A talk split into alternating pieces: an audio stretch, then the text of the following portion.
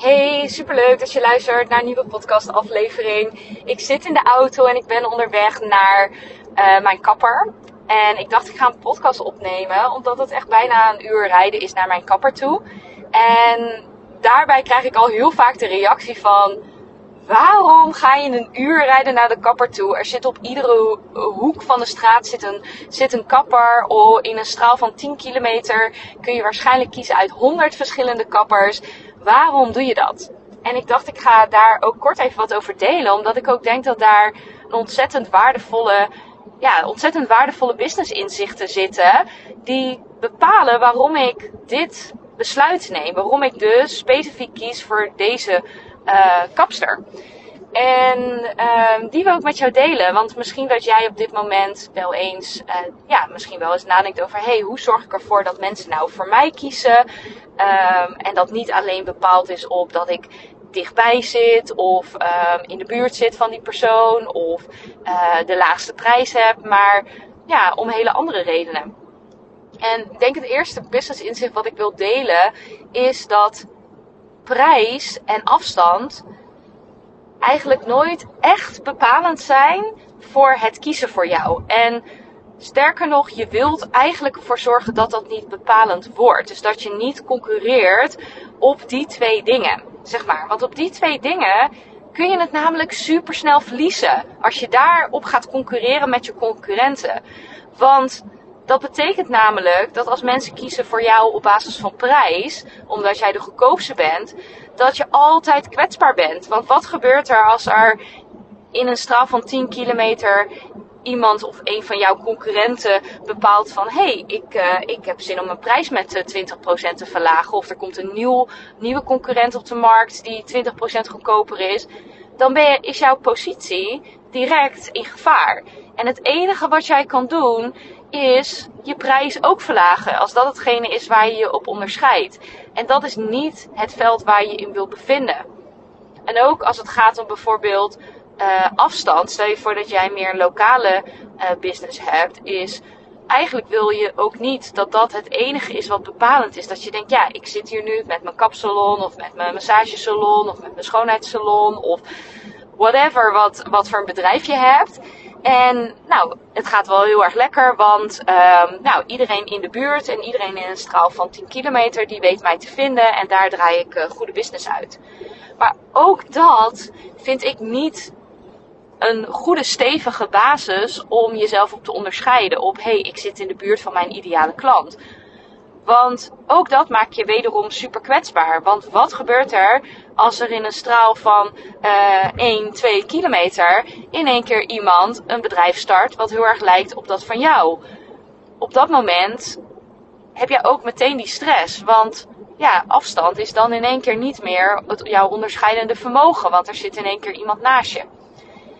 En ik denk dat het dus super belangrijk is om na te denken over: hey, op welke elementen kan ik mij wel onderscheiden, waardoor mensen echt voor mij kiezen.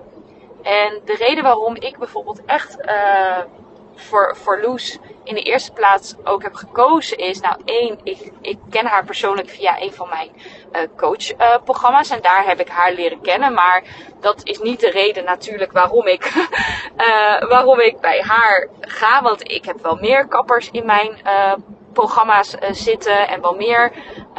ja, ik, ik, ik, ik coach honderden ondernemers op, op jaarbasis, dus ik kan niet bij iedereen klant worden. Dus er is iets waardoor ik toch naar Loes toe ga, wat mij triggert. En ik denk een van de dingen die ik het meest bijzonder vind aan Loes is dat haar positionering vind ik super onderscheidend. Uh, haar bedrijf heet namelijk de Kleurkamer. En nou, een van de redenen waarom haar bedrijf de Kleurkamer heet, uh, is omdat um, zij gespecialiseerd is in het uh, kleuren van je haar, zeg maar. Dus zij is echt een kleurspecialist. Nou, dat is nog niet eens de reden dat ik bij haar ga. Want ik kleur mijn haar niet. Ik verf mijn haar niet. Maar dat vind ik wel een, ja, ik vind het wel tof om te zien van dat zij echt ergens voor gaan staan en echt daarin specialist zijn. Tweede ding wat bij mij dus heel erg meespeelt, is de dubbele betekenis van de kleurkamer. Want ook een betekenis van de kleurkamer betekent, wij zijn er voor iedereen er is voor iedereen ruimte. En uh, welke afkomst je ook hebt, waar je ook vandaan komt, wat voor een achtergrond je ook hebt, hoe je er ook uitziet, wat voor een seksualiteit je ook hebt. Het maakt niet uit. Iedereen is bij ons welkom. En dat vind ik echt super mooi. Want dat is ook niet alleen maar een, loze kreet die, uh, die, uh, die, er, die er genoemd wordt door, uh, door de kleurkamer, dus door Loes. Maar dat is ook echt voelbaar als je bij haar in de salon bent. Het is echt voelbaar dat iedereen er welkom is. En ook de gesprekken die er met je gevoerd worden ondertussen dat je haren worden gedaan, zijn diepgaander dan het is lekker weer hè en uh, ga je nog op vakantie. en daarin, daardoor voel ik mij echt thuis, zeg maar. Dus dat is dus een van de redenen, die positionering die zij kiest en zich daarmee onderscheidt. Dus niet alleen, hé, hey, wij zijn een kapper en uh, we, we kunnen iedereen zijn haar knippen, maar echt een mooie boodschap daarin. Zorgt ervoor dat ik ervoor kies. En al helemaal omdat op het moment dat ik daar binnenkom, ook aan alle kanten voel dat dat is wat het hele bedrijf ademt. Het voelt echt letterlijk alsof ik een uurtje in een huiskamer zit en me helemaal thuis eigenlijk voel op alle vlakken. Dus dat is een van de redenen waarom ik uh, voor, haar, uh, voor, haar zeg maar, kies en zo ver ga rijden. Een tweede reden is ook omdat zij uh, mij echt geholpen heeft. en, um, en daar zit ook weer een mooi, een mooi inzicht in. En nou, deels een inzicht waarom, je, waarom er een onderscheidend vermogen in zit, maar ook wel een ander business inzicht. Want ik, uh, als het gaat om mijn haar, ik denk dat ik al sinds mijn uh, twaalfde jaar of zo, sinds dat ik in de puberteit zit, was ik één à twee keer per dag mijn haar. Of waste ik inmiddels dus. En ja, al heel vaak heb ik geprobeerd om te minderen met mijn haren wassen. Want ik weet dat het niet super goed is voor je haar. En ik weet ook dat, um, ja, dat, het, dat het veel mooier gaat zitten. En veel meer gaat glanzen. En veel voller gaat zitten als je minder je haar gaat wassen. Maar het lukte mij maar niet eigenlijk om dat te doorbreken. En inmiddels ben ik 30, dus ik ben al, uh, uh, dus ik was al zeker uh, minimaal 12 jaar was ik een soort van haarwas junkie. Ik kwam er maar niet vanaf en ik had echt wel verschillende tips opgevolgd en verschillende dingen geprobeerd. totdat ik bij Loes kwam.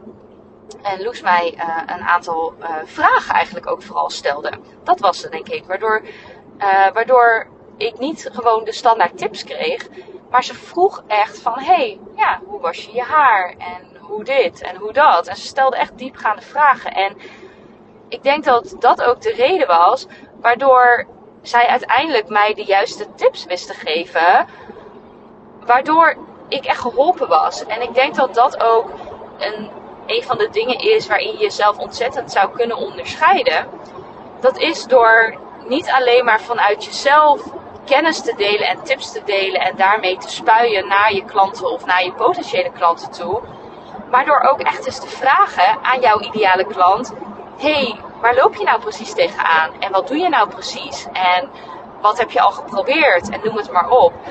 Want daardoor kreeg ik precies de tips die voor mij werkten. En ik denk ook wat er mee speelde, is dat ik mij echt gezien en gehoord voel, omdat er echt naar mij geluisterd wordt. En ik denk dat dat een van de allerbelangrijkste elementen is waarom een klant voor jou kiest is niet alleen maar omdat iemand uh, ja, gelooft dat jij goed bent in je vak. Want er zijn namelijk meer mensen die goed zijn in je vak. Maar het is ook een stukje dat iemand zich gezien en gehoord voelt. En dat is een hele belangrijke die, ja, die Loes hier echt, echt laat zien.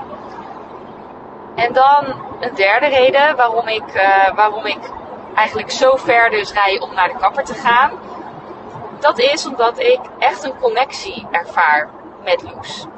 En ik denk dat ondanks dat je misschien heel goed bent in je vak, je, je, je ja, fantastisch werk levert, uh, je klanten heel goed helpt met tips en adviezen en noem het maar op, zijn allemaal redenen waarom ik daar naartoe rij en waarom ik voor haar kies. Maar ik denk de allerbelangrijkste reden waarom ik niet dichter bij huis een kapper zoek, want ik geloof er echt oprecht in dat er ik ben echt niet zo naïef om te denken dat er maar één kapper is die mij kan helpen. Nee, ik denk dat er echt nog zoveel meer kappers zijn die, die nu luisteren, misschien ook wel. En die denken, ja, hier sta ik ook voor, hier geloof ik ook in, dit doe ik ook. Maar dan is er nog één ding wat doorslaggevend is waarom ik dus wel kies om naar Loes toe te rijden. En dat is dat ik een connectie met haar voel. En dat is misschien nog wel degene die het zwaarste weegt, weegt in mijn koopbesluit, zeg maar. In mijn samenwerkingsbesluit. Noem het maar op, met wie dan ook. En dat is het voelen van een connectie. En Loes uh, deelt ook op haar social media bijvoorbeeld heel veel persoonlijke inkijkjes. Uh, in haar leven, in uh, wat ze precies doet. ze heeft een super schattige hond, waarvan ik het super leuk vind om dingen te volgen. Dus al die dingen zorgen ervoor dat, ondanks dat er misschien wel meerdere kappers op mijn pad komen die net zo goed zijn, ik toch heel loyaal blijf en toch heel graag blijf bij Loes, omdat ik die connectie met haar voel. Dus dit zijn allemaal elementen die meespelen in het nemen van een aankoopbesluit. Het gaat dus veel verder dan alleen maar goed zijn in je vak en goed werk leveren en je klant overtuigen van dat jij, um, ja, dat jij, dat jij goed werk levert, in welke business je ook zit. Maar het gaat dus ook over echt ervoor zorgen dat je jezelf onderscheidt, dat je anders durft te zijn in je boodschap. Um, het gaat ook over dat je echt naar je klanten luistert en ze het gevoel geeft dat ze gezien en gehoord worden. Het gaat ook over dat je echt een connectie met iemand voelt. Want zelfs als, uh, uh, als er dus meerdere mensen zijn die aan die andere dingen voldoen, dan kan een connectie alsnog doorslaggevend zijn om juist bij die persoon te komen. En je zal merken dat als je je echt gaat focussen op een strategie, waarbij je op die verschillende dingen ook gaat uh, onderscheiden, dat je een veel fijner fundament bouwt in plaats van jezelf te onderscheiden, dus op prijs of afstand of andere dingen waar jij geen invloed op hebt, waarbij je zo ingehaald kan worden door een concurrent.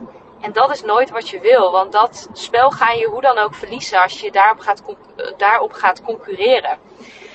En um, ja, wil je daar nou meer over leren? En wil je nou echt zo'n goed fundament bouwen en een goede strategie bouwen? Binnenkort dan start mijn Fastlane Business School programma weer. En ik kijk daar mega naar uit. Um, Loes is ook in het verleden dus klant bij mij uh, geweest. En heeft ook deze strategie ook echt toegepast op haar bedrijf op een super succesvolle manier. En ja, hij start dus binnenkort weer. En je kunt je dus nu inschrijven voor de wachtlijst. Want binnenkort gaan de deuren dus open.